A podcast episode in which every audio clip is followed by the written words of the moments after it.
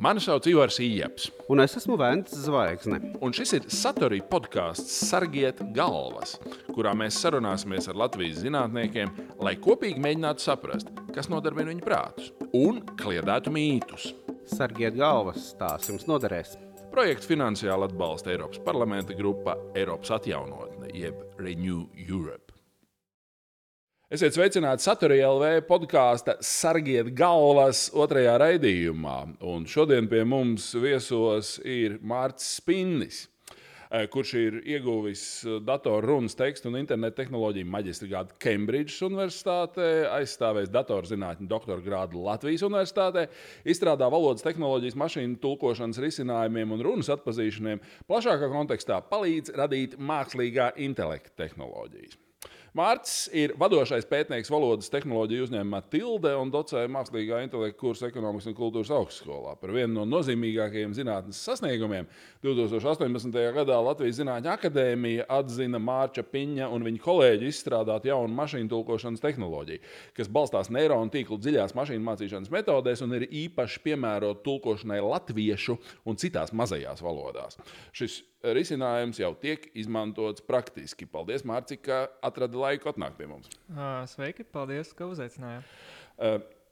Man ir tāds pirmais filozofiskais jautājums. Ja tu strādājot ar uh, datoriem un to veidu, kā viņi var saprast valodu uh, vai mēģina saprast valodu, vai mēs tiešām varam runāt par to, ka datori nevis tikai izpilda noteiktas uh, operācijas un izpilda noteiktas algoritmus, bet tiešām saprot tādā nozīmē, kā mēs ar tevi saprotam to, ko mēs runājam? Labs jautājums. Es, uh, man kā datorzinātniekam un uh, nu, cilvēkam, kas ar šīm tehnoloģijām strādā, protams, ir uh, nu, uh, tas skats no tā, kas lācītam vēderā. Un, nu, mēs neesam vēl tik tālu tikuši, lai šīs tehnoloģijas tiešām saprastu tādā izpratnē, kā mēs to saprotam. Mēs tām tehnoloģijām iemācām pildīt uzdevumus, kur, kurus mēs esam noformulējuši. Arī nu, tajā jomā, kurā tilde strādā, un specifiski mašīnu tūkošanā, pie kuras es visvairāk strādāju, mēs formulējam uzdevumu, tulkošanas uzdevumu datoram, un tad uh, dators pats mācās. Tad mēs viņam liekam saprast, uh, kas viņam ir jādara. Viņš pats no sevis to nedara. Aha. Ja mēs pievēršamies vairāk tam, ko tu dari savos pētījumos, un tas ir saistīts ar valodas tehnoloģijām, kāda veida uzdevumi ir tie, ko dod tūkošanas programmu gadījumos mēs spējam, protams, iztēloties to, ko mēs redzam, ka ir kaut kāds vārds vai teikums vai saistīts teksts, un ka uh, rezultātā mēs no vienas valodas teksta iegūstam citas valodas tekstu, bet skaidrs, ka tas ir, tas, tā ir tā lācīša ārpuse. Un kas savukārt notiek lācītam iekšpusē, kā tu teici? Nu, jā, tad, uh, visām tām tehnoloģijām, pie kurām mēs strādājam, parasti, nu, it sevišķi tad, kad mēs runājam par valodas tehnoloģijām, uh, uh, ir taisnība, ka nu, lietotāji, tad, kad viņas lieto, viņi redz to tikai pašu aizberga uh, augšējo daļu. Zem tā ir tāda liela mašinērija, kas, uh, kas sastāv no procesiem, kas analizē tekstu, uh, pieņem gudrus lēmumus, uh, kā uh, saprast, ko cilvēks tur ir uzrakstījis. Uh, Tūkošanas gadījumā mēs izmantojam tātad, mākslīgos neironu tīklus, kas saņem virkni ievaddatos, vai, nu, kas virkne ir teikums, teikuma vārdi viens aiz otra veido virkni. Šis neironu tīkls saņem ievaddatos šo virkni ar te, uh, ievad avotu valodas teikumu. Um, transformē šo avotu valodas teikumu uh, izmantojot neironu tīklu modeli un izvada virkni laukā. Izmantojot terminoloģiju, nozares terminoloģiju, to sauc par virknes, virknes marķēšanas uzdevumu. Nu, mašīnu tūkošanas uzdevums ir virknes, virknes marķēšanas uzdevums. Tāpat mēs varētu mācīt, piemēram, uh, sistēmai kādai uh, Uh, pabeigt teikumu, kad mēs esam vienu teikumu sākumu uzrakstījuši, lai uh, dators vai neironu tīkls izdrukā teikumu otru pusi. Tas arī būtu virknes, virknes marķēšanas uzdevums, kur mēs iedodam uh, nu, to pirmo teikuma daļu un liekam iemācīties otru teikumu daļu. uh, neironu tīklam, piemēram. Tad, tie ir viena veida uzdevumi, tātad mašīnu tulkošanā.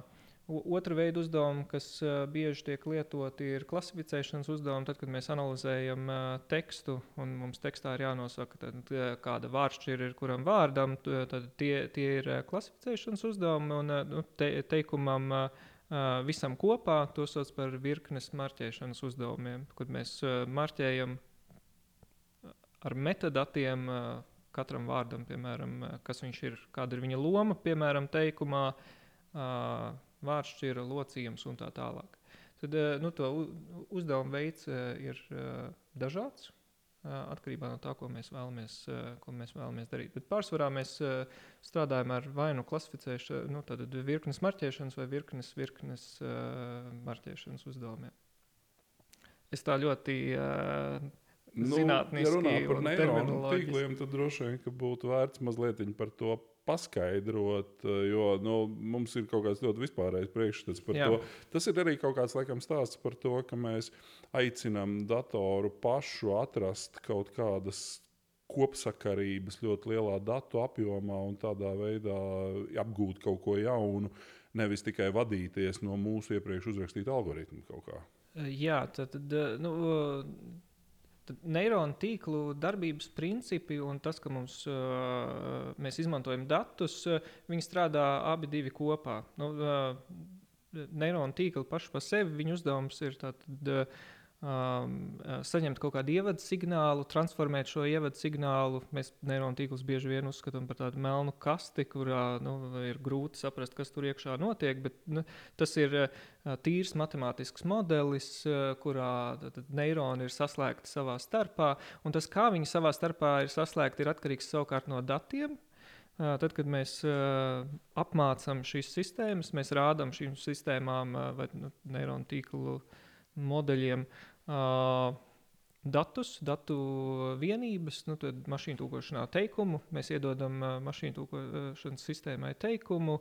Uh, Un prasām, lai viņi izdrukā mums rezultātu. Tad, kad viņi izdrukā rezultātu, uh, mēs pārbaudām, vai tas ir tas, ko mēs sagaidījām. Un, ja nav, tad uh, mēs attiecīgi pielāgojam nu, teiksim, svarus uh, vai nu, kloķīšus, piegriežam tajā neironu tīklā, lai nākamreiz, kad mēs iedosim tieši to pašu vai līdzīgu teikumu, tad līdzīgus ievaddatus vai līdzīgu ievadu signālu, uh, šis tīkls mums izdos laukā precīzāku, pareizāku tulkojumu nu, tam, ko mēs datos esam redzējuši. Un tīkls pats izdara secinājumus. Ja, ziņā, Tīkls jā. pats izdara secinājumus. Tad, viņam, nu, tad, ja mēs viņam barojam iekšā uh, ne simtiem, ne tūkstošiem, bet miljoniem šādus te, uh, teikumus, tīkls pats uh, sāk saprast likumsakarības datos.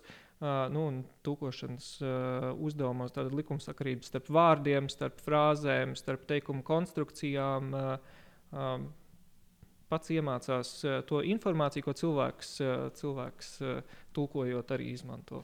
Tas ir fantastiski interesanti no tā viedokļa, ka man ļoti interesē tas, kā tu un tavi kolēģi skatās uz valodu kopumā. Jo patiesībā jau mēs zinām, ka filozofijā 20. gadsimtā bija tie.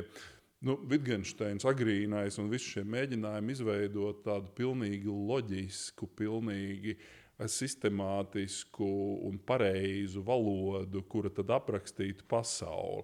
Bet pēc tam sapratu, ka patiesībā cilvēku lietotā valoda jau īstenībā nav loģiska. Viņa ir šausmīgi haotiska. Brīžiem tas, kā mēs runājam, kā mēs raksturojam kaut kādas lietas, kā mēs izsakāmies un tomēr saprotam viens otru. Ka tas ir kaut kas ļoti tāls no tādas patiešām ideālas, eksaktas formulas. Jā, es brīžiem uh, uh, mēdzu izmantot uh, tādu piemēru, ka valodai ir kā izņēmums izņēmumu galā. Nu, un, uh, tas rada to sarežģītību arī sistēmām iemācīties. Tad mēs ar likumiem precīzi vai nu, tā formāli nodefinēt visu nevaram. Mums vienmēr ir kaut kādi izņēmumi. Un tad, kad mēs esam nodefinējuši kādu apjomu ar tiem izņēmumiem, izrādās, ka mēs veselu strēķi esam piemirsuši vai neesam pamanījuši, un tad uh, mēs varam tos izņēmumus vienu pēc otra kabināt klāt. Tad, kad mēs uh, neironu tīkla sistēmas vai kaut kādas ma citas mašīnu mācīšanās uh, sistēmas vai mākslīgā intelekta sistēmas izstrādājumu, tad, uh, kas ir datos balstīts, mums uh, atkrīt uh, tā nepieciešamība pašiem tos likumus uh, vai definēt un to paši, pašiem to algoritmu vai no, uh, valodas uh, formālismu uh, aprakstīt. Tad to dara uh, tas mehānisms, tad, tad neironu tīklu plus datu mehānisms mūsu vietā. Un tas ir patiesībā tas, kāpēc šīs tehnoloģijas ir ļoti spēcīgas un spēj ļoti daudz uzdevumus risināt. Jo mums vairs nav pašiem jāpasaka priekšā, dati ļauj tam risinājumam pašam izspriest. Nu, tad, radīt to modeli, kas, kas šīs zināšanas satur. Nu, tur, man liekas, ka ārkārtīgi interesants temats, protams, arī ir tie pielietojumi, ne, ar kuriem jūs strādājot tildē, noteikti saskaraties ikdienā. Nu, tas, ko mēs pazīstam no Google Translate vai no Microsoft, bet arī no tildes produktiem, nu, tas ir, protams, ļoti iespaidīgi un tas paliek aizvien labāks un labāks laikam rītot. Jautājums ir, jūs noteikti nestrādājat tikai nu, pie tāda veida pielietojumiem, ka tu ievadi kaut kādu rakstītu tekstu datorā un dabūni ārā tulkojumu vairāk vai mazāk korekti. Tad uh, spektrs ar risinājumiem, pie kuriem mēs strādājam, jā. ir tāds plašs, jā, taisnība. No, atpazīstamākais, gan jau no, vai atpazīstamākā no tehnoloģijām ir mašīnu tulkošana pēdējā laikā, pateicoties mūsu sasniegumiem dažādās uh, mašīnu tulkošanas sacensībās. Uh, Bet eh, nu, pie kā mēs vēl strādājam? Tad mēs uh, attīstām uh, virtuālo asistentu un sarunbotu tehnoloģijas. Tātad tehnoloģijas, kas ļauj attīstīt risinājumus, kas ļauj cilvēkiem uzdot jautājumus un saņemt atbildes, un, un, un dažādas dialogu sistēmas risināt. Nu, piemēram, latviešu valodai šobrīd nav analoga risinājumu tādam Apple Siri vai uh, Google Assistant, uh, jo nu, tie lielie uzņēmumi pie tādām tehnoloģijām nestrādā. Uh, nu, tas ir viņi pie latviešu valodas tehnoloģijām uh, nu, pa, pamatā nestrādā. Viņiem šeit nav tirgus, kuru uh, nu, nav uh, vēlme vai nav tā uh, Viņi neredz to ekonomisko izdevīgumu ķēpāties vai eh, nu, investēt, lai, eh, lai mazajām valodām attīstītu šīs tehnoloģijas. Tad mēs redzam, ka tur ir iespēja mums eh, aizpildīt to lauku, aizpildīt to nu, caurumu un mūsu valodai arī piedāvāt risinājumus. Tā arī ir tāda nu, zināma misija, kad nu, ja ne mēs, kurš cits šīs tehnoloģijas attīstīs. Uh, Un, uh, tur ir vēl viena svarīga nianse, ka, ja mēs vēlamies no valstī, ka latviešu valoda attīstās un uh, viņa tiek lietot, tad viņai ir arī jābūt uh, nodrošinātai visās tehnoloģijās, kurās valoda tiek, nu, tiek, tiek lietot. Un līdz ko viņa netiek nodrošināta, vai tas atbalsts nav, tad ir skaidrs, ka valoda nu, tajos konkrētajos risinājumos nekad netiks pielietot. Un tad valoda pamazām no tās aprites vai tā, tās vidas izstums laukā.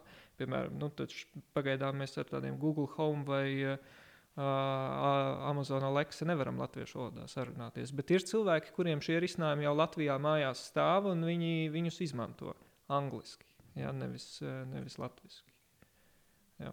Tad tas bija viens, un ir, protams, vēl runas tehnoloģijas. Mēs attīstām uh, runas atpazīšanas un runas sintēzes tehnoloģijas, kas ir, tad, tad ļauj automatizēt, piemēram, interviju transkribēšanu. Ja mēs gribētu šo te podkāstu pierakstīt un rakstiskā veidā publicēt kaut kur, tad nu, varētu runas atpazīšanas tehnoloģijas izmantot, lai ātrāk darbu veiktu. Tad visas tās valodas tehnoloģijas, pie kurām mēs strādājam, ir domātas, lai padarītu darbu efektīvāku. Tas ir tas galvenais, eh, galvenais mērķis.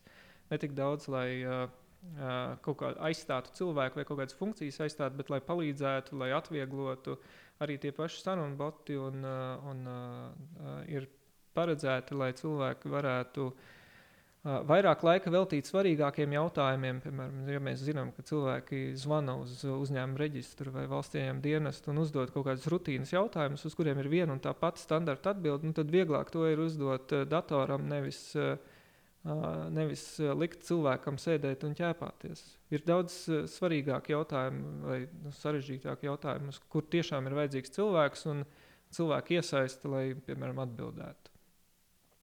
Es vēl gribēju atgriezties pie iepriekšējās tēmas par uh, neironu tīkliem. Uh, es atceros, savā laikā klausījos lekciju. Man šķiet, arī Tildes pārstāvis stāstīja par dažādiem paņēmieniem, kādi ir bijuši mašīnu tulkošanā, tulkošanas tehnoloģijām.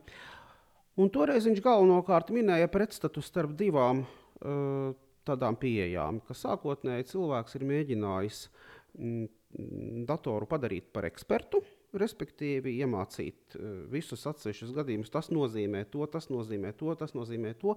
Nu, realitātē tas noved pie uh, sistēmas pārslodzes, ja, kad pie at, at, at, atmiņa nespēja, nespēja visus šos daudzos gadījumus. Tas, tas ir, ārkārt, ir ārkārtīgi lēna darbība beigās, ja, un, un neko iedzīgu arī galu galā tā īsti iegūt nevar.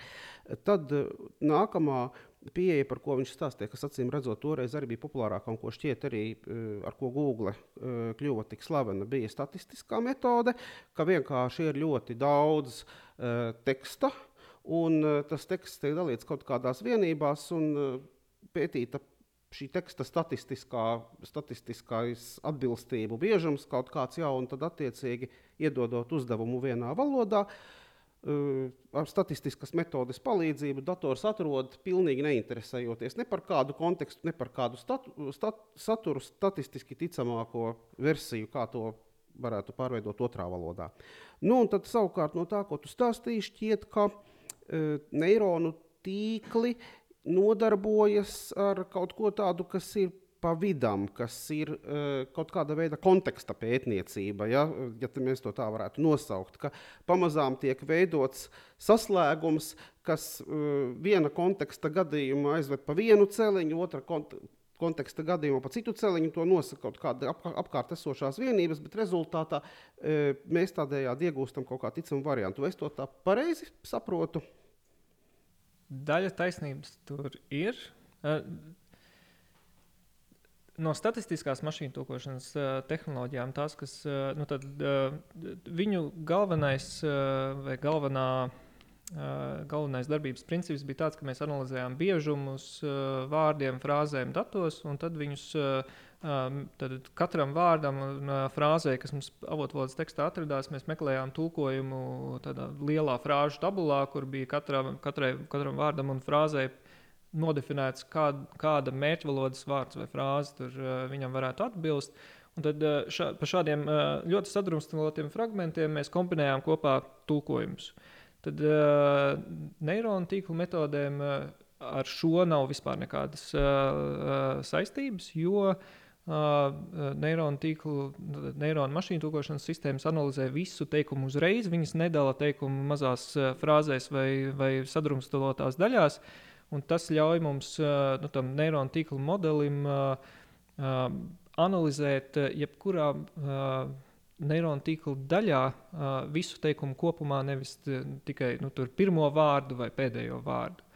Šīm statistiskajām metodēm arī bija problēma, ka viņas tādas gara attāluma atkarības, piemēram, ja vārds, pirmais vārds teikumā ir jāsaskaņo locījumā ar pēdējo vārdu teikumā, to nevarēja bieži vien realizēt, ja teikums bija garāks par septiņiem vārdiem.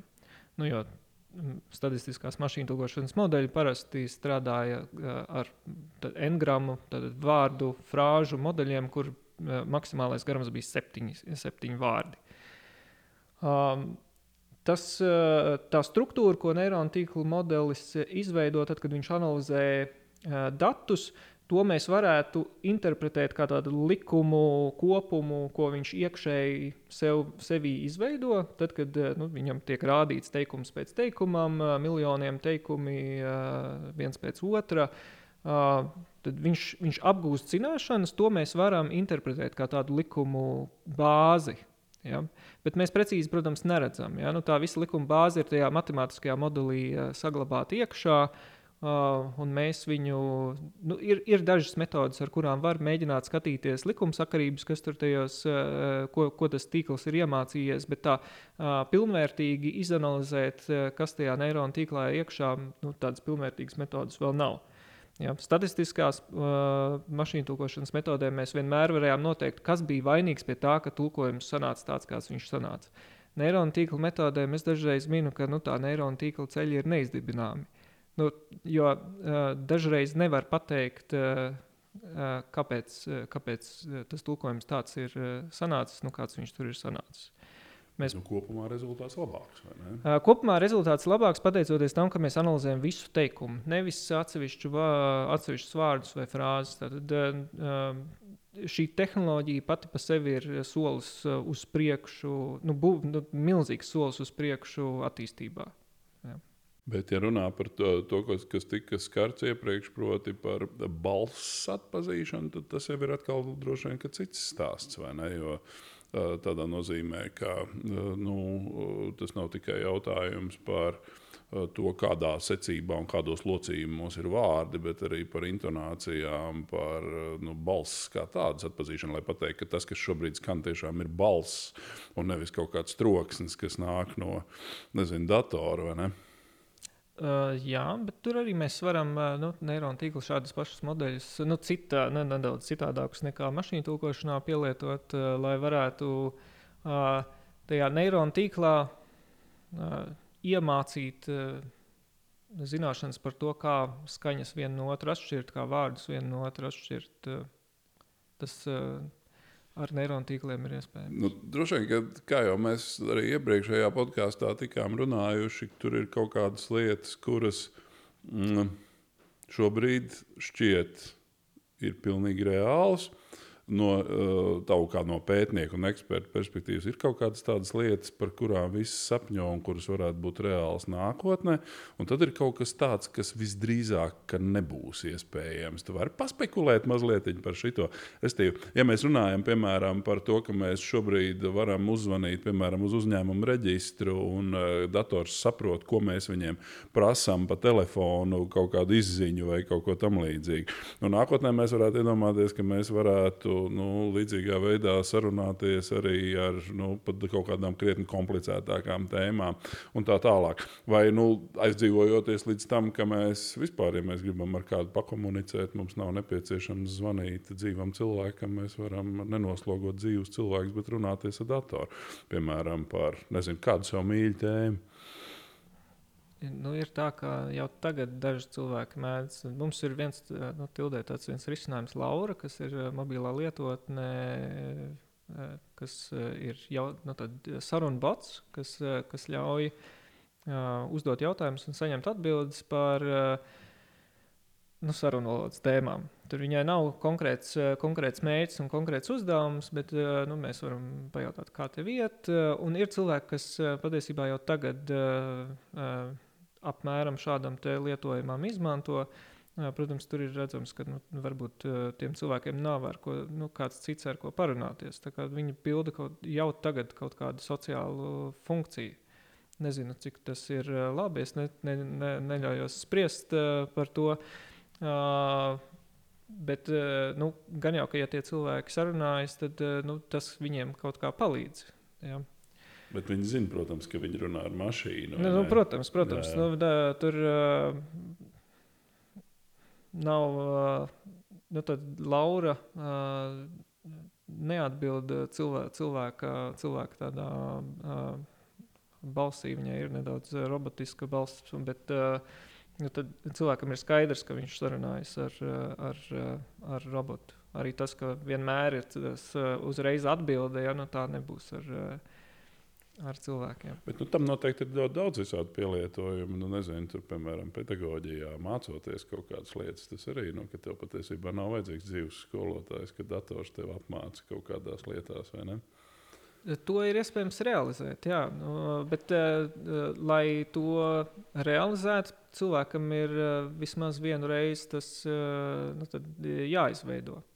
Jebkurš, jebkura apmācība, piemēram, būtu kādam, kādam nu, jānodefinē un nu, tāds scenārijs jāizveido. Tas ir apmēram tāpat kā Coursera vai, nu, ja ir zināms, jā, jā, protams, jā, jā. kaut kāda tie, tiešsaistes apmācības platformas, kas mūsdienās ļoti populāras. Jau tagad nu, mums nav tieši kontakta ar cilvēkiem, mēs, bet, bet nu, mēs skatāmies cilvēku ierakstītus video, un tajos risinājumos ir interaktivitātes elementi, kas ļauj mums pārbaudīt savas zināšanas, kaut ko mācīties. Uh, uh, attīstīties. Tad, tā, tādas iespējas ir. Par to, uh, ko mēs uh, tuvākajā laikā sasniegsim, vai nu, šajās te tehnoloģijās, tad es nesen, nesen mēģināju apkopot tādu, nu, tādu īsā, īsā variantā, ko mašīnu tūkošanas jomā mēs varētu tuvākajā laikā sasniegt. Tad pašreiz tie risinājumi, kurus mēs piedāvājam, viņi ir nu, ierobežoti tajā, ka viņi tulko teikumu pēc teikumam, bet nu, drīz mums parādīsies tāda risinājumu, kas tulko veselus dokumentus uzreiz, nevis teikumu pa teikumam. Jo tad, kad mēs teikumu pa teikumam tulkojam, tad mums var pietrūkt kontekstuālas informācijas, kas ir no iepriekšējos teikumos, un informē to, kā ir jātulko konkrēts teikums. Piemēram, teikum, teikumā um, es tad, A, nu, angliski man jāsaka, jo tad uh, latviešu uh, atšķirsies tulkojums. Tam, uh, piemēram, uh, I am in a building, it is beautiful. Tad, uh, lai es to it is beautiful, tad es esmu mājā, tā ir skaista. Lai es zinātu, ka tas it is beautiful ir jātulko, ka tā ir skaista, man ir jāskatās uz iepriekšējo teikumu. Tad mums ir kontekstuāla uh, atkarība tam it is beautiful, tam vārdam it uh, no iepriekšējā teikuma. Nu, kas latviešu valodā laikam ir pavisam dīvaini, jo tur taču ir tas, mums ir tas stāsts par uh, norādāmiem vietnieku vārdiem, kas pieskaņojās dzimtei. Vai jā, ne? Jā. tā ir nevis tā ir. Ēka ir brīnišķīga, bet nu, tas ir tas sieviešu dzimts ēka. Tas ir interesanti. Un tas ir kaut kas tāds, kas vismaz man šķiet, ka jau pārsniedz cilvēka paša uh, dabisko uztveri, vai ne? Jo mēs tekstu tomēr vienmēr, ja nu mums vienīgi nepiemīt kaut kādas tiešām īpašas spējas, mēs viņu tomēr uztveram kā teikumu pa teikumam? Bet tas, ko saki, ka tas ir acīm redzot kaut kas tāds, kur, kas jau pārsniedz cilvēku, nu, normālo dabisko intelektu? Nu... Es, eh, tā, tā es varbūt neteiktu, jo mums eh, nu, tulkotāji jau tulko tekstus, un uh, viņi redz, Bet kā mums tas... arī tulko to teikumu teikumam, ne? Uh, viņi redz kontekstu. Viņi jau nere, nav, nav tā, ka viņi izolēti teikumu pa teikumam tulko. Un, uh, nu, viņi, ja viņiem mēs iedodam mašīnu tulku, tulkojumu, viņi redz, ka tur nu, ir, ir iespējas uzlabot uh, saska, sa, teikumu un vārdu saskanību. Ja, vienam ar otru, jo ir tulkots izolētus teikumus, ņemot vērā nevis kontekstu, nu, teikumus kontekstā. Iekšā. Tu iepriekš uzsvēri to, ka nu, tas, ar ko jūs nodarbojaties, tildē, un es pieņemu, ka tas noteikti tā arī ir. Nu, tas nav uh, galvenais motīvs, lai cilvēkiem atņemtu kaut kādas viņiem līdz šim svarīgas funkcijas ne, no cilvēka. Es domāju tagad par tulkotāja un arī par tulka profesiju. Nu, principā es domāju, ka man vismaz šķiet, ka jūs riskējat ar šo visu. Piemēram, Eiropas parlamentā un vispār Eiropas institūcijās tur strādāja, nemaldos, apmēram 300 tulki tieši uz latviešu valodu. Nu, kombinācijā ar visādām citām valodām. Viņiem pēc 20 gadiem vēl būs darbs kādam. Jo nu, gal galā, nu, ja viss tas ies uz priekšu un tie tulkojumi kļūs aizvien precīzāki, un aizvien kontekstualizētāki un tā tālāk. Tad beig beigās nu, kaut kā tur, man liekas, kaut kāds bezdarba faktors tur pastāv tiem tulkiem. Ne? Man jau šķiet, ka nu, vismaz tuvākajā laikā noteikti mums nebūs, nu, nevienam nevajadzētu uztraukties. Tur, runājot par mašīnu tulkošanas risinājumiem, ir jāsaprot, kam, nu, kādas ir mūsu prasības tam tulkojumam. Tad, ja, ja, ja vienīgā prasība tam tulkojumam ir tāda, dot cilvēkiem pieeju informācijai, tad, nu, kur tā informācija var arī nebūt pilnīgi precīzi pārtulkota, bet varbūt ar kaut kādām kļūdām, kur cilvēki paši lasot cauri, jau var saprast, ka, nu, tur, kas tur patiesībā bija. Tad, jā, tad, tur tajos lietojumos agrāk vai vēlāk mums parādīsies mašīnu tulks, kas, nu, tad, kur mēs redzēsim, ka aha, šis saturs ir mašīnu tulkots, tur cilvēks nav, nav stāvējis klāt. Bet bieži vien jau mums ir nepieciešams, un it sevišķi Eiropas Savienībā, visiem tiem dokumentiem ir svarīgi, lai tas tulkojums būtu pilnīgi precīzs. Lai tur, nu, piemēram, juridiskiem dokumentiem strādājam pie precizitātes, vai tad ne? Bet mēs strādājam pie mākslīgā intelekta risinājumiem. Jebkurš mākslīgā intelekta risinājums, tāpat kā jebkurš cilvēks, var kļūdīties ar kādu Aha. kļūdas procentu. Bet tā iespēja, ka tas cilvēks kļūdīsies, šobrīd tomēr ir mazāka nekā iespēja, ka tas uh, mākslīgais intelekts kļūdīsies. No, patiesībā ir tā, ka mēs, ja mēs ļaujam uh, cilvēkam rediģēt mašīnu tulkojumu, varbūt viņi viens otrā kļūdas izķers. vai tāda, ja mēs paspekulējam vēl tālāk, ja, ir arī kādi principiāli ierobežojumi, vai ir kas tāds, par ko nu, zinātnieki tomēr šaubās, vai to jebkad varēs iemācīt mākslīgajam intelektam, respektīvi kaut kas tāds, ko cilvēks, tulkotājs spēja izdarīt tā vai citādi, bet nu, man nezinu, pir, pirmais, kas man piemēram nāk uh, prātā, ir dzīslis teksts. Piemēram, jo jau tā atzējošana parasti ir, tiek uzskatīta par tādu tulkošanas daļu, ja, kas jau pa daļai ir radoša darbība. Un, uh, visiem, kas ir saskārušies ar atzējumiem, ir skaidrs, ka tur nekāda viena un pareizā un ideālā risinājuma nekad nebūs. Un, uh, dažādi atzējotāji vienu un to pašu dzinieku no citas valodas atzējos atšķirīgi. Un, uh, Varbūt tas ir kaut kas tāds, ja, ko mākslīgajam intelektam nekad nebūs iespējams veikt. Vai arī gluži otrādi mākslīgais intelekts varēs kļūt par vēl vienu īpatnēju atzīvotāju, teiksim, šajā atzīvotāju virknē un konkurēt ar cilvēkiem. Kā jūs domājat? Nu, e, tā nianse, nu, tad tie mākslīgā intelekta risinājumi, kurus mēs, kurus mēs izstrādājam, nu, ne tikai mēs, visi kas pagaidām strādā, nu, strādā pie mākslīgā intelekta risinājumiem, ir, ir tā, ka viņi mācās no tā, kas ir datos pieejams. Tad, ja mēs to ņemam vērā, tad, tad mākslīgiem intelektam mēs radīsim iespēju reproducēt to, kas datos bija sastopams. Tad cilvēks radoši domājot un pieejot nu, tai problēmai, dzējo, atzīvošanas problēmai, viņš bieži vien rada lietas, kas iepriekš nav bijušas un nav bijušas redzētas. Ja? Un, tad nu, tas mākslīgais intelekts jau nevar radīt kaut ko Nu, vismaz šobrīd nav tāda mehānisma, ka viņš varētu radīt uh, kaut ko tādu fundamentāli citādāku, kas uh, iepriekš nav, bi, uh, nav parādījies. Tad viss, ko viņš rada, lai arī mums dažreiz varbūt šķiet, ka ah, viņš nebija to redzējis, ja, tas kaut, kāda, kaut, kādos, nu, kaut kādās iekšējās struktūrās vai, vai likumsakarībās viņam ir ļāvis izsecināt, ka rekur šādi vajag. Tad nu, pats no sevis Eh, kaut ko, kas iepriekš datos nav bijis, viņš eh, nerada. Tā ir, tā ir būtiska viena, viena nianse.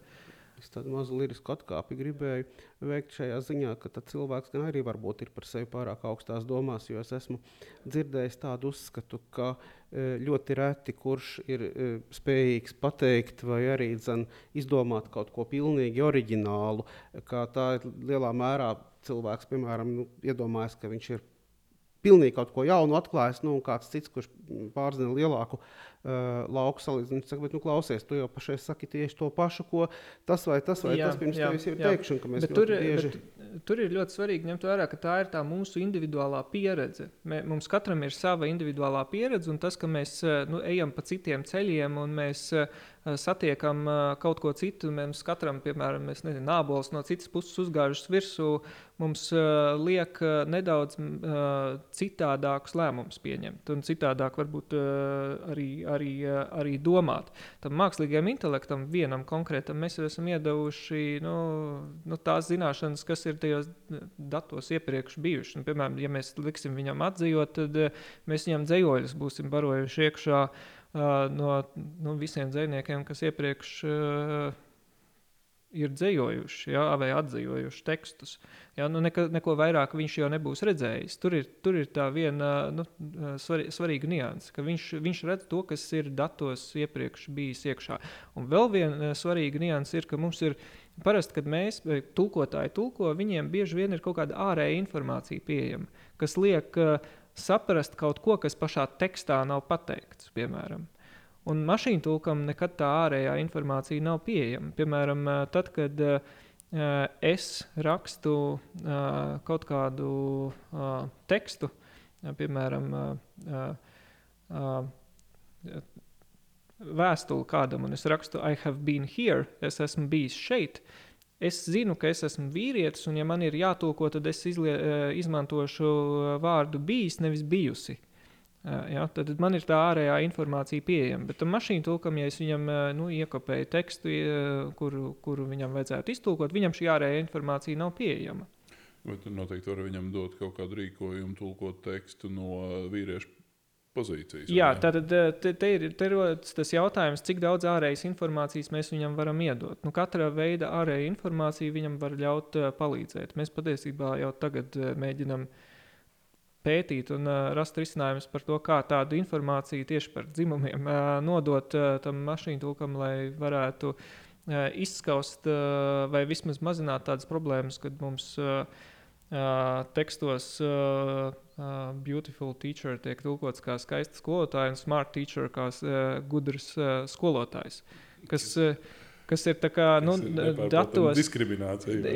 bet, bet, tas, bet tas eh, nāk no datiem. Tur ir stereotipi pašos datos. Iekšā. Tas, starp citu, ir viena no problēmām. Es nezinu, vai mums vajadzētu to tagad vērt vaļā, bet es saprotu, ka tas ir viens no iebildumiem, kāpēc ļoti daudzās jomās, piemēram, es zinu, ka piemēram jurisprudencē un visādās administratīvās lietās cilvēki ir ļoti piesardzīgi pret mākslīgo intelektu, ir tieši tas, ka viņš principā šitādus stereotipus reproducē. Jā, piemēram, jā, tu, jā.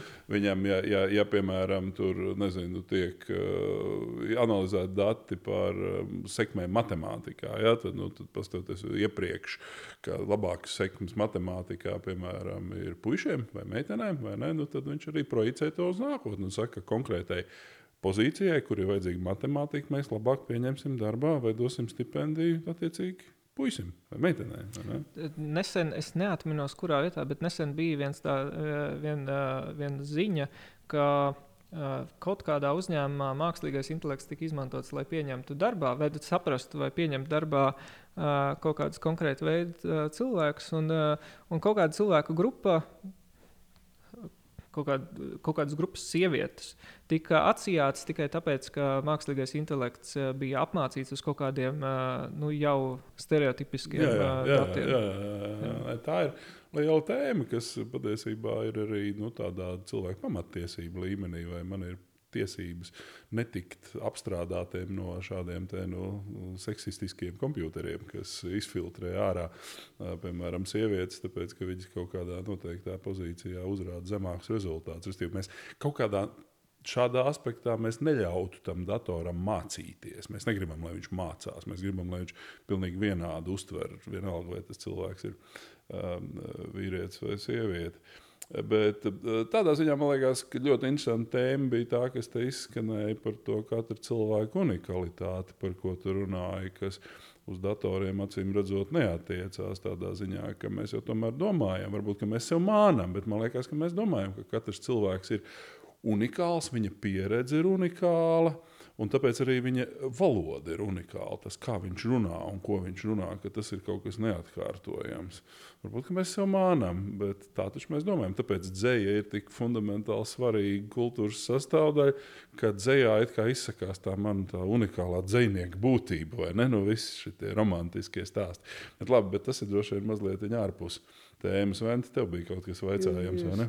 Es, man tāda neliela nākotnes prognoze radās, ka acīm redzot, nākotnē būs arī uh, datortehnoloģiju uzņēmumi, kuri izstrādās antidiskriminācijas moduļus mākslīgā intelekta programmām. Ja, kur tad, ja, tad, ja lietotājs konstatēs, ka viņa rīcībā esošais mākslīgais intelekts ir pārāk diskriminējošs, tad iegādāsies šādu moduli, pieslēgs attiecīgi noprogrammētu, no, nokonfigurētu, pieslēgs klāt, ja, lai novērstu uh, intelekta radīto diskrimināciju. Bet, uh, ja mēs ejam tagad tālāk plašumā par, uh, par mākslīgo intelektu, uh, ir skaidrs, ka uh, nu, šis mākslīgā intelekta jautājums manā dzīvē ir ienācis jau patiesībā, var teikt, līdz ar Aizekā Zīmova grāmatas Es robots lasīšanu. Tas ir tātad bērnība, jo tā grāmata bija iznākusi, manuprāt, vēl pirms manas dzimšanas. Un, uh, tur, protams, tā tehniskā pusē Zimovs to bija atstājis tādiem mi, mi, mistiskiem pozitronu sakariem, ja, kuri ļauj nodrošināt to pašu, ko var nodrošināt uh, cilvēka smadzeņu darbība. Un, uh, es saprotu, ka tas ir saistīts ar to uh, jēdzienu, ko sauc par mākslīgais intelekts, stiprā nozīmē. Tas ir uh, tāda veida uh, intelekts, kas spēj reproducēt ne tikai noteiktas prāta darbības, bet visu personību, ieskaitot apziņu, uztveri, visu šo integri, integrālo es, ko ietver arī cilvēka personība. Un, ja mēs tagad, ja mēs tagad paspekulējam, savukārt tas, šīs visas tehnoloģijas, par kurām mēs šovakar runājām, tās šķiet vairāk visas ir mākslīgais intelekts. Uh, tajā vājākajā nozīmē, ka tās ir palīgi tehnoloģijas, kas varbūt ļaus reproducēt kādas cilvēka saprāta funkcijas, bet kas nenozīmē nu, šādu integrālu personību. Kā tev šķiet, vai neironu tīkli uh, varētu būt solis ceļā arī uz uh, šo mākslīgo intelektu stiprajā nozīmē? Solis tajā virzienā noteikti. Ja, ir jau. Mē, te ir jāsaprot, ka mēs vēl neesam ne tuvu tādam stipram mākslīgajam intelektam nonākuši. Ne, ne mēs, ne neviens cits pasaulē. Bet ir jau pētījumi, kur mēģina apmācīt sistēmas, lai viņas pašas spētu mācīties. Tagad tā ir tāda būtiska, nu, tas, tas tāds būtisks solis, nākamais solis, ko it kā vajadzētu sasniegt, lai sistēmas pašas spētu uh, mācīties. Es te nerunāju par apziņu, jo, nu, kas ir apziņa, tas ir jā, cits jautājums. Tur, uh, līdz tam uh, spēcīgiem mākslīgiem intelektam vēl ir uh, uh, tāda lieta, ko angļuiski sauc par artificial general intelligence, eh, eh, nevis, eh, nevis, nevis spēcīgais mākslīgais intelekts, kurš, kurš spēj pats saprast, nu, un skatīties apkārt, saprast, kā risināt kaut kādas konkrētas problēmas. Tagad mēs izstrādājam tādus risinājumus, kas ir vienai konkrētai darbībai, vienam konkrētam uzdevumam paredzēti, un neko citu viņš vairāk nespēja darīt. Bet ir jau pētījumi nu, vēl tādā bērnu autiņa līmenī, kas mēģina nu, izstrādāt tādus mehānismus, kas, kas ļauj mums tam mākslīgiem intelektam uh, rādīt, kā ir lietas jādara, lai viņš pats iemācās, kā kaut kas ir jārisina. Piemēram, robotiem iemācīt, kā pagatavot ēst, pēc tam iemācīt, kā pagat, nu, tur, tīrīt māju, pēc tam iemācīt, kā zeķis sal, nu, salasīt un tā tālāk. Ja? Radīt tādu mehānismu, kas ļauj tam mākslīgiem intelektam apgūt jaunus uh, uzdevumus uh, un jaunu uzdevumu risināšanu viņa dzīves laikā. Nu, apmēram to varētu salīdzināt ar tādu nu, uh, uh, bērnu apmācību. Tad bērns arī skatās un, un mācās. Risināt kaut kādas problēmas. Un jo vairāk viņš redz, jo vairāk viņš mēģina, jo labāk viņam sanāk. Nu, un, uh, viņam iemāca vienu lietu, tad iemāca citu lietu, un tā viņš uh, kļūst zinošāks un zinošāks. Nu, un tas, tas, tas ir tas virziens, kurā. Ka viņš ir spējīgs arī rīkoties kaut kādā pilnīgi neparedzējumā situācijā. Viņš ir spējīgs pieņemt kaut kādus lēmumus, piemēram, nu, ja viņam ir, viņš ir mācīts uh, gatavot ēdienu, tīrīt māju un sapārot zeķes, tad viņam pēkšņi ir nāk priekšā uzdevums, piemēram, nezinu, uh, atsaldēt leduskapi. Tad viņš ar to tiek galā kaut kā. Ja? Vai...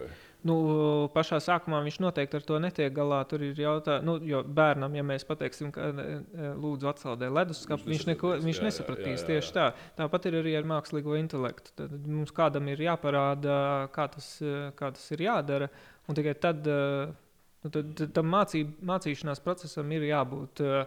Uh, bijušam pirms uh, mēs no viņa kaut ko varam uh, sagaidīt. Tur, protams, ir jautājums, vai tas mākslīgais intelekts spēs pateikt, ka es to neprotu, vai viņš uh, mēģinās izdomāt, ka uh, nu, es redzu leduskapi, tagad, uh, kas man ar viņu jādara. Zeķis jāsalasa no viņa, vai uh, kafija jāpagatavo, vai kas, uh, kas tur jādara. Tad uh, mūsu visam tehnoloģijām, kuras mēs attīstām, bieži vien, it sevišķi neironu tīklu tehnoloģijām, bieži vien ir tā, ka viņas ir ļoti pārliecināts par kaut ko nepareizu. Ja? Nu, un, uh, tad ir jautājums, kā mēs viņām iemācām. Uh, saprast arī, ka viņas var nezināt, nu, tad, nu, tās tehnoloģijas, ka viņas var nezināt, kā ir kaut kāda konkrēta problēma jārisina. Nu, cilvēkam, ja mēs, piemēram, pateiksim, brauc ar, brauc ar mašīnu, ja viņš nebūs braucis ar mašīnu, viņš zinās, ka viņš nezina, kā, ar, nu, kā ir jābrauc ar mašīnu. Bet dators to nevienmēr zinātu, jo viņš to uztver nu, kā kaut kādas citas darbības paveidu. Nu, tā varētu būt. Jā, jā, jā, jā. Ļoti, ļoti pašpārliecināta. Pa, pašais mums veidojas ja, tādas ļoti, ļoti pašpārliecinātas, varbūt pseido personības, ja, bet nu, tādas pašpārliecinātas personības iespējas.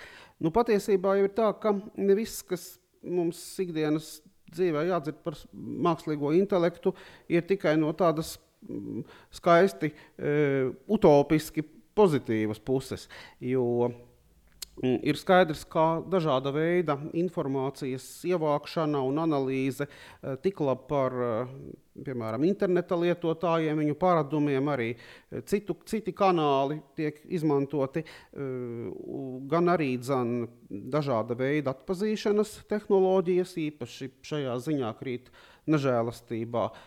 Sejas video atpazīšanas tehnoloģijas ir arī uh, aizdomas, ka dažas ne sevišķi demokrātiskas iekārtas pasaulē varētu ar to palīdzību izveidot pietiekami lielu vai pat totālu kontroli pār saviem iedzīvotājiem.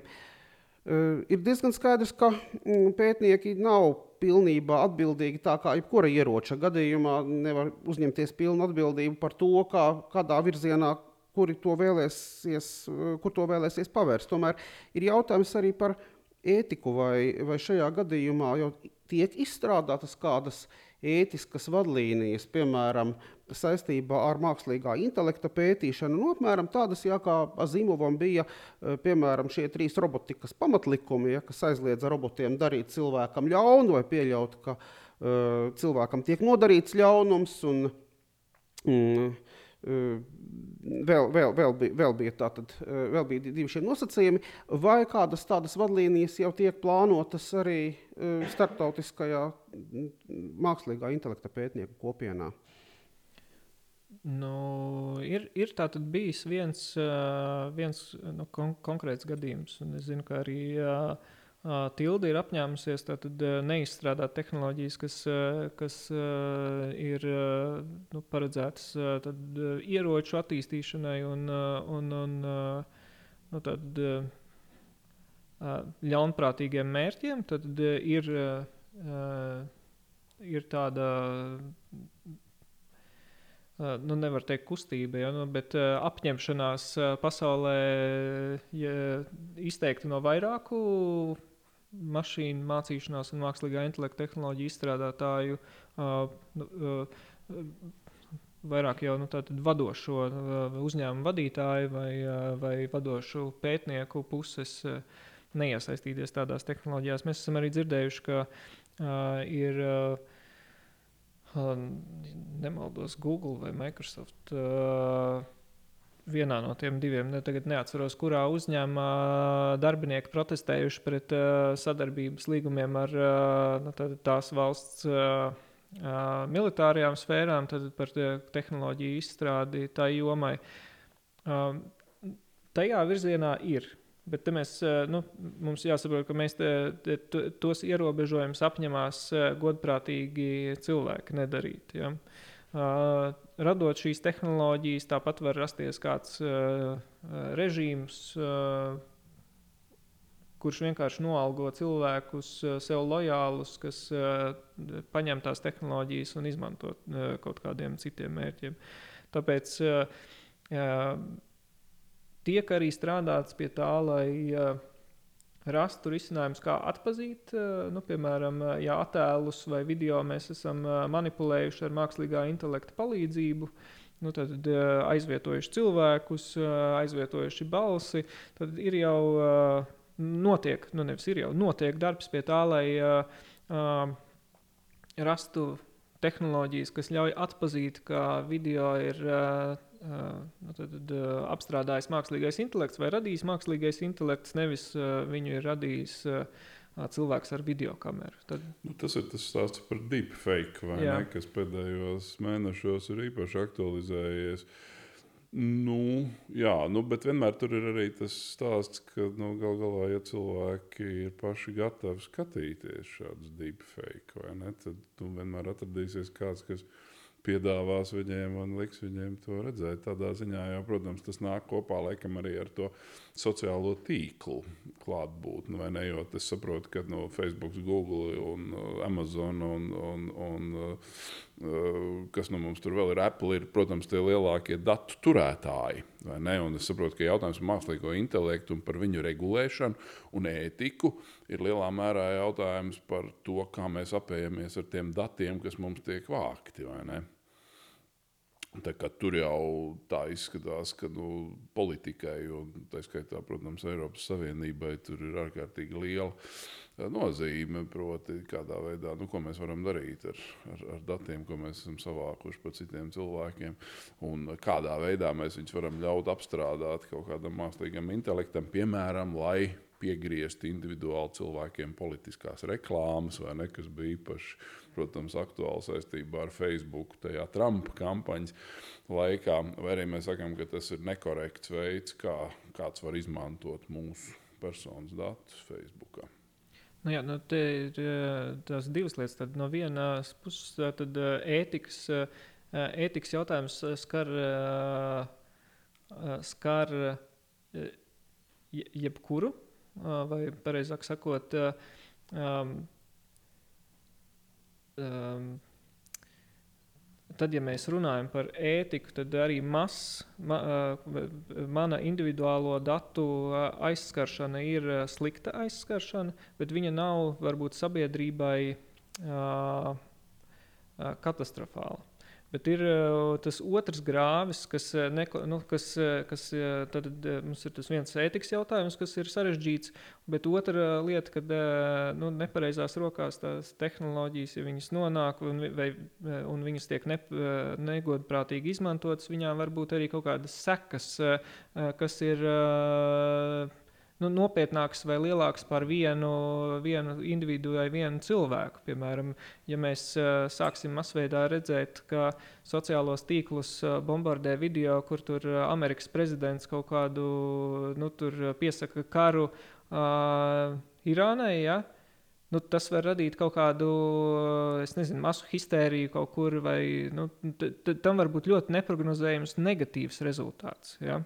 Un tāpēc eh, tā, nu, ir eh, uzņēmumi, eh, lieli uzņēmumi, kā Facebook, arī nu, viņi no vienas puses ievāc datus, bet viņi arī cenšas radīt tehnoloģijas, kas cenšas atpazīt, ka tādi video ir, piemēram, vai attēli ir ar mākslīgo intelektu apstrādāti un, un nepatiesi. Tad mums ir noteikti jāstrādā pie tā, lai šādas tehnoloģijas, kas ļauj mums atpazīt eh, nu, nepatiesu informāciju, lai kāda tā informācija būtu. Um...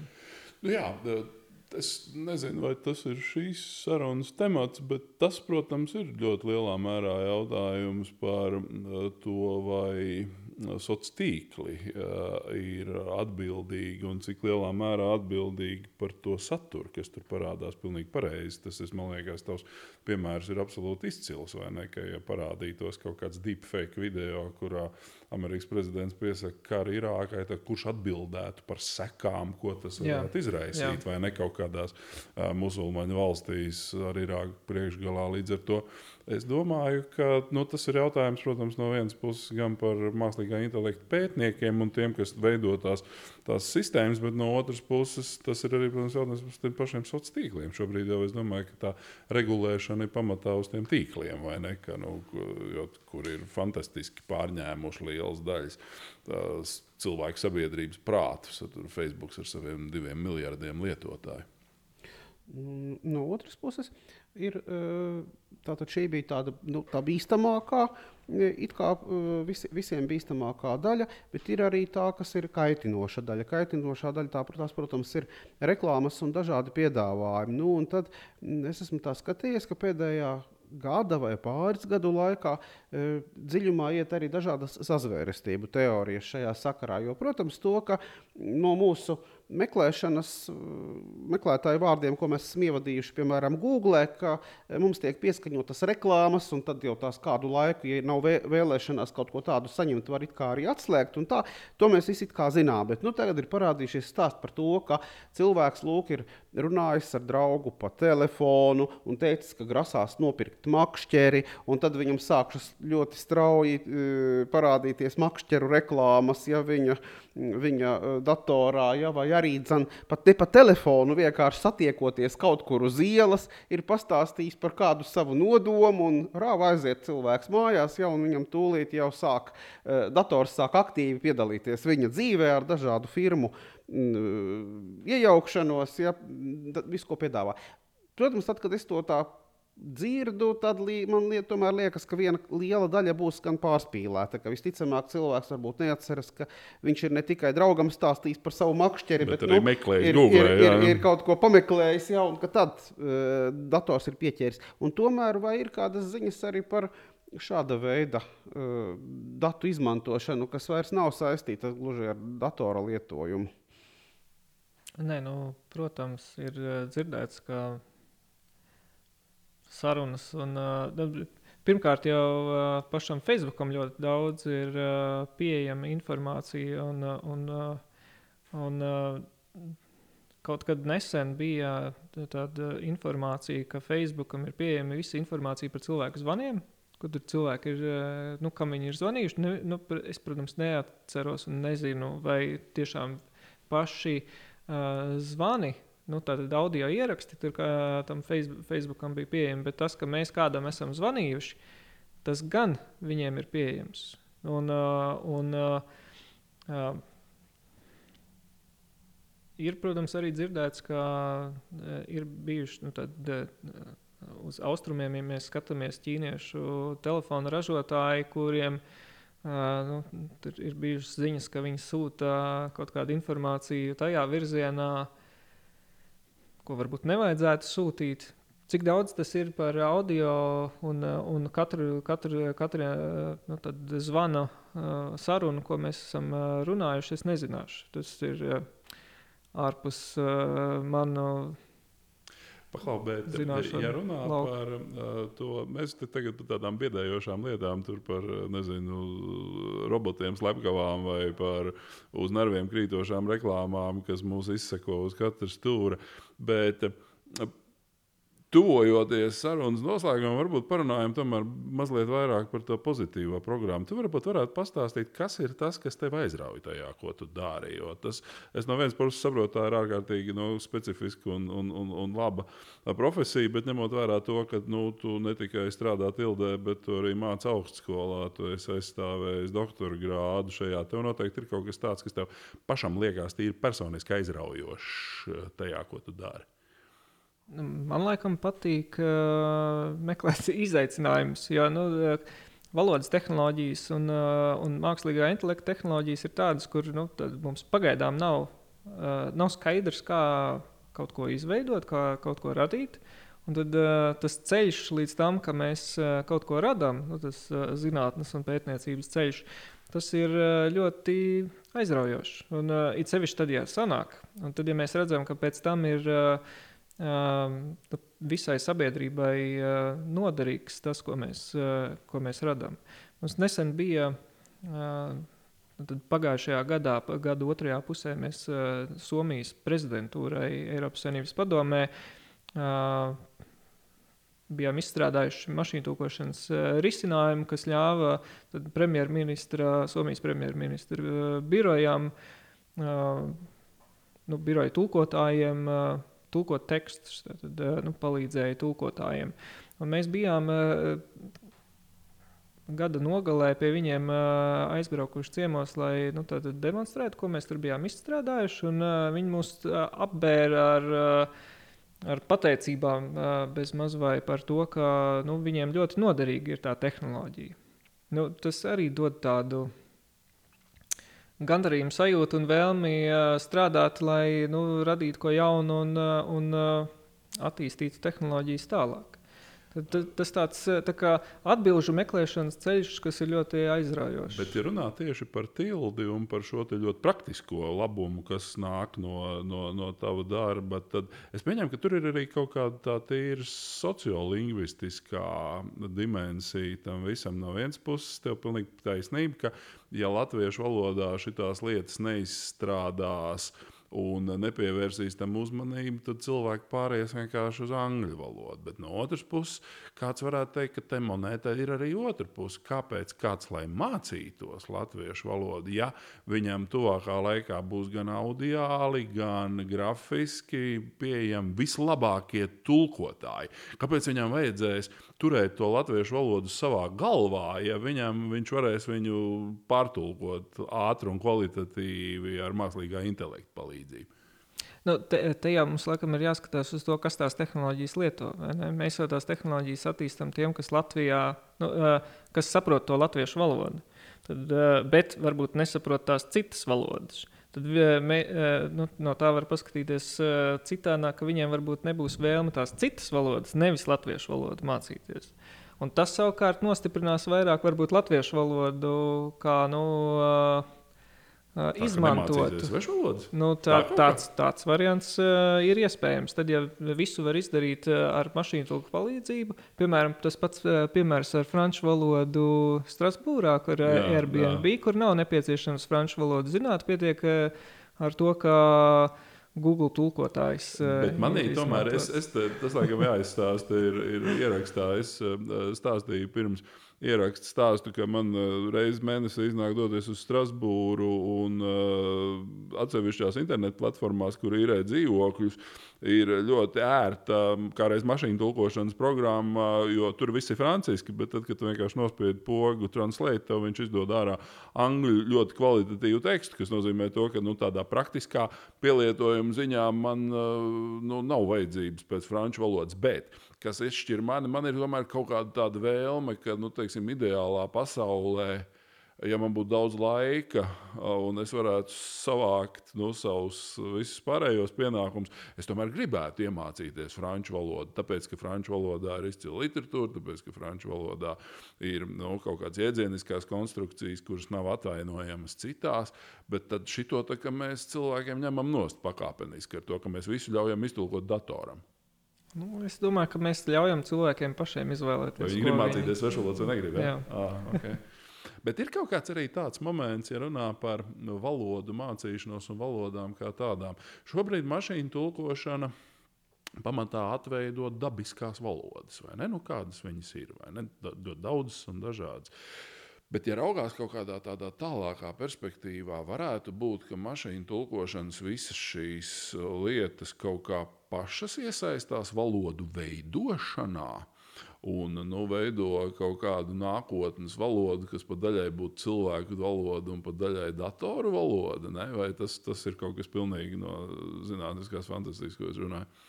Ja mēs paskatāmies uz to, kā pagaidām nu, pašreiz mūsdienās strādā neironu mašīnu tulkošanas sistēmas, tad viņas jau tagad uh, var radīt uh, uh, vārdus, kas valodā vēl nav Aha. pieejami. Un tas ir uh, situācijās, kad uh, uh, lietotājs ievada kaut kādu vārdu, kas nekad datos nav parādījies, un tam neironu tīklam nekas cits neatliek, kā uh, mēģināt izdrukāt kaut ko, kas uh, izklausās loģiski, atbilstoši tam, kādus datus viņš iepriekš ir redzējis, lai gan to pašu vārdu viņš nav redzējis. Uh, Nu, dažreiz uh, tur sanāk da, dažādi komiski uh, varianti, bet dažreiz arī tādi nu, ļoti trāpīgi varianti. Tā kā, nu, protams, pastāv variants, ka pēkšņi radīsies kaut kas, vai cilvēku, cilvēks sāks izmantot kaut ko, ko ir radījis tas uh, mākslīgais intelekts, nevis, uh, uh, nevis cilvēki paši. Tāda iespēja. Ir pastāv. labi, tāpēc, ka mēs zinām, ka Nu, piemēram, tas ir labāk, lai ļautu datoram uzradīt latviešu vārdu pēc kaut kādas analoģijas, nekā vienkārši pārņemt tos nenormālos anglicismus, ne, kas lielākoties ienāk valodā. Tā, tā ir ne. dators kā jaunu vārdu uh, radīšanas rīks, manuprāt, būtu ārkārtīgi svētīgs. Vēl bija arī viens jautājums par vienu no jaunumiem, kas ir starp tildes piedāvātajām tehnoloģijām, kas ir visiem pieejamā valodas tehnoloģiju platforma hugo.lv, ja, kas ir tātad bez maksas pieejama kuram Latvijas un arī citurienes iedzīvotājiem. Es saprotu, ka arī e, tu esi piedalījies kaut kādā nozīmē šīs platformas uh, radīšanā. Jā, man var vainot, tad, kad uh, mašīnu tulkošanas risinājums tur izdrukā kaut ko nepareizi. Skaidrs. Jā, un uh, tas, tas jautājums būtu tāds. Uh, mums, protams, pašreiz jau ir. Uh, pieejami vairāki uh, mašīnu tulki, uh, kurus katrs atkarībā no savas, uh, savām vajadzībām izmanto. Uh, kas būtu tie cilvēki, kuriem tu vispār pirms ieteiktu e, pievērsties, ja viņi to vēl nav izdarījuši, e, Hugo.CLV? Tad, uh, pirmkārt, Hugo nodrošina vairāk nekā tikai mašīnu tulkošanu. Tur ir iespējams arī runas atpazīšanas un runas sintēzes risinājums izmantot, kas uh, ir noderīgi tātad, uh, žurnālistiem. Nu, runas, at, ja mēs par runas atpazīšanas risinājumiem uh, runājam. Um, Nu, no, tās, no tāda mašīnu tulkošanas viedokļa ir tā, ka, nu, ja mēs runājam par Hugo platformu un valodas tehnoloģijām kopumā, valoda ir tāda mainīga lieta, nu, mainīga, laikā mainīga. Un, uh, mēs tās mašīnu tulkošanas sistēmas, kuras tildi piedāvā, mēs attīstām un atjauninām apmēram ar regularitāti reizi gadā. Nu, tāpēc, ka valoda mainās, mums aktuālas tēmas mainās, par kurām mēs runājam. Mūsu nu, tipiskais vārdu uh, krājums, ko mēs no gada uz gadu lietojam, nu, redzam publiskajā komunikācijā, nu, ziņās un, un, un, un sociālajos tīklos arī mainās. Un, nu, tā tehnoloģija ir jāattīstās un jāiet laikam līdzi. Tāpēc nu, Hugo pilda funkciju valsts pārvaldē, pār, nu, primāri valsts pārvaldē. Tad, tur ir pielāgoti risinājumi, kas ir uh, nepieciešami valsts pārvaldes funkciju tad, nodrošināšanai un uh, nu, lietot uh, cilvēku informēšanai par valsts pārvaldes funkcijām. Bet tiem, kas, kas tātad, žurnālistiem, kas ziņas tulko un tādas lietas, tie aktuālāku vai jaunāko risinājumu parasti var meklēt pie mums, eh, kas ir Tildes birojā vai, eh, vai mums ir tāda eh, tiešsaistes platforma translate.com. Tad tiem ab, abiem risinājumiem ir citas funkcijas, bet Hugo LV nu, no tāda valsts valodas tehnoloģija attīstības perspektīvas, tur, nu, tas, ko es redzu, kas tur nedaudz pietrūkst, ir tā attīstības vai, vai turēšanās līdzi laikam.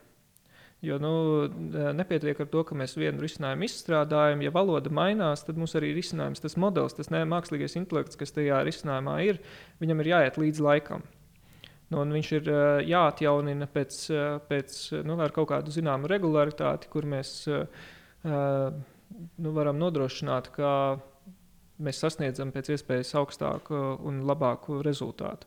Vēl ir viena nianses, ka nu, mākslīgā intelekta joma šobrīd ir tik ļoti uh, ātri ejoša uz priekšu, ka tehnoloģijas attīstās ar nu, reizi gadā vai divas reizes gadā. Nu, un, no tā aspekta arī patiesībā valodas tehnoloģijas būtu jāatjaunina nu, ar kaut kādu intensitāti. Bet Hugo LV es nezinu, kādi tur ir tie plāni. Man vienkārši nav informācijas, es nevaru tur komentēt. Vai tur ir plāni, plāni to uh, tehnoloģiju turēt uh, līdzi laikam, vai arī viņa ir uh, nu, fiksēta un, uh, un nostiprināta? Nu, ja mēs uh, salīdzinām šīs tehnoloģijas. Nu, ko? Tilde, protams, ir mūsu um, inovāciju un vispār saka, zinātnēs balstītas ekonomikas flagmanis, ar ko mēs pamatot lepojamies ne jau tikai šeit uz vietas Latvijā, bet arī kopumā Eiropā. Tādā ziņā tas, protams, ir tas eksporta produkts, uz ko mēs arī Eiropas parlamentā mēdzam atsaukties attiecībā uz to, kas notiek Latvijā visās tajās lietās, kas šobrīd Eiropā ir svarīgas. Un tieši tādēļ paldies tev, Mārcis, ka tev bija laiks atnākt pie mums un parunāties par visām šīm lietām. Lietojiet tildes produktus. Tā ir reklāma, ar kuru es arī gribu pateikt paldies un atvadīties no jums. Jā, paldies. paldies. Māča Pīņa vizītkarti un ekspresa interviju ar viņu lasiet janvāra žurnālā Ilustrētā zinātne.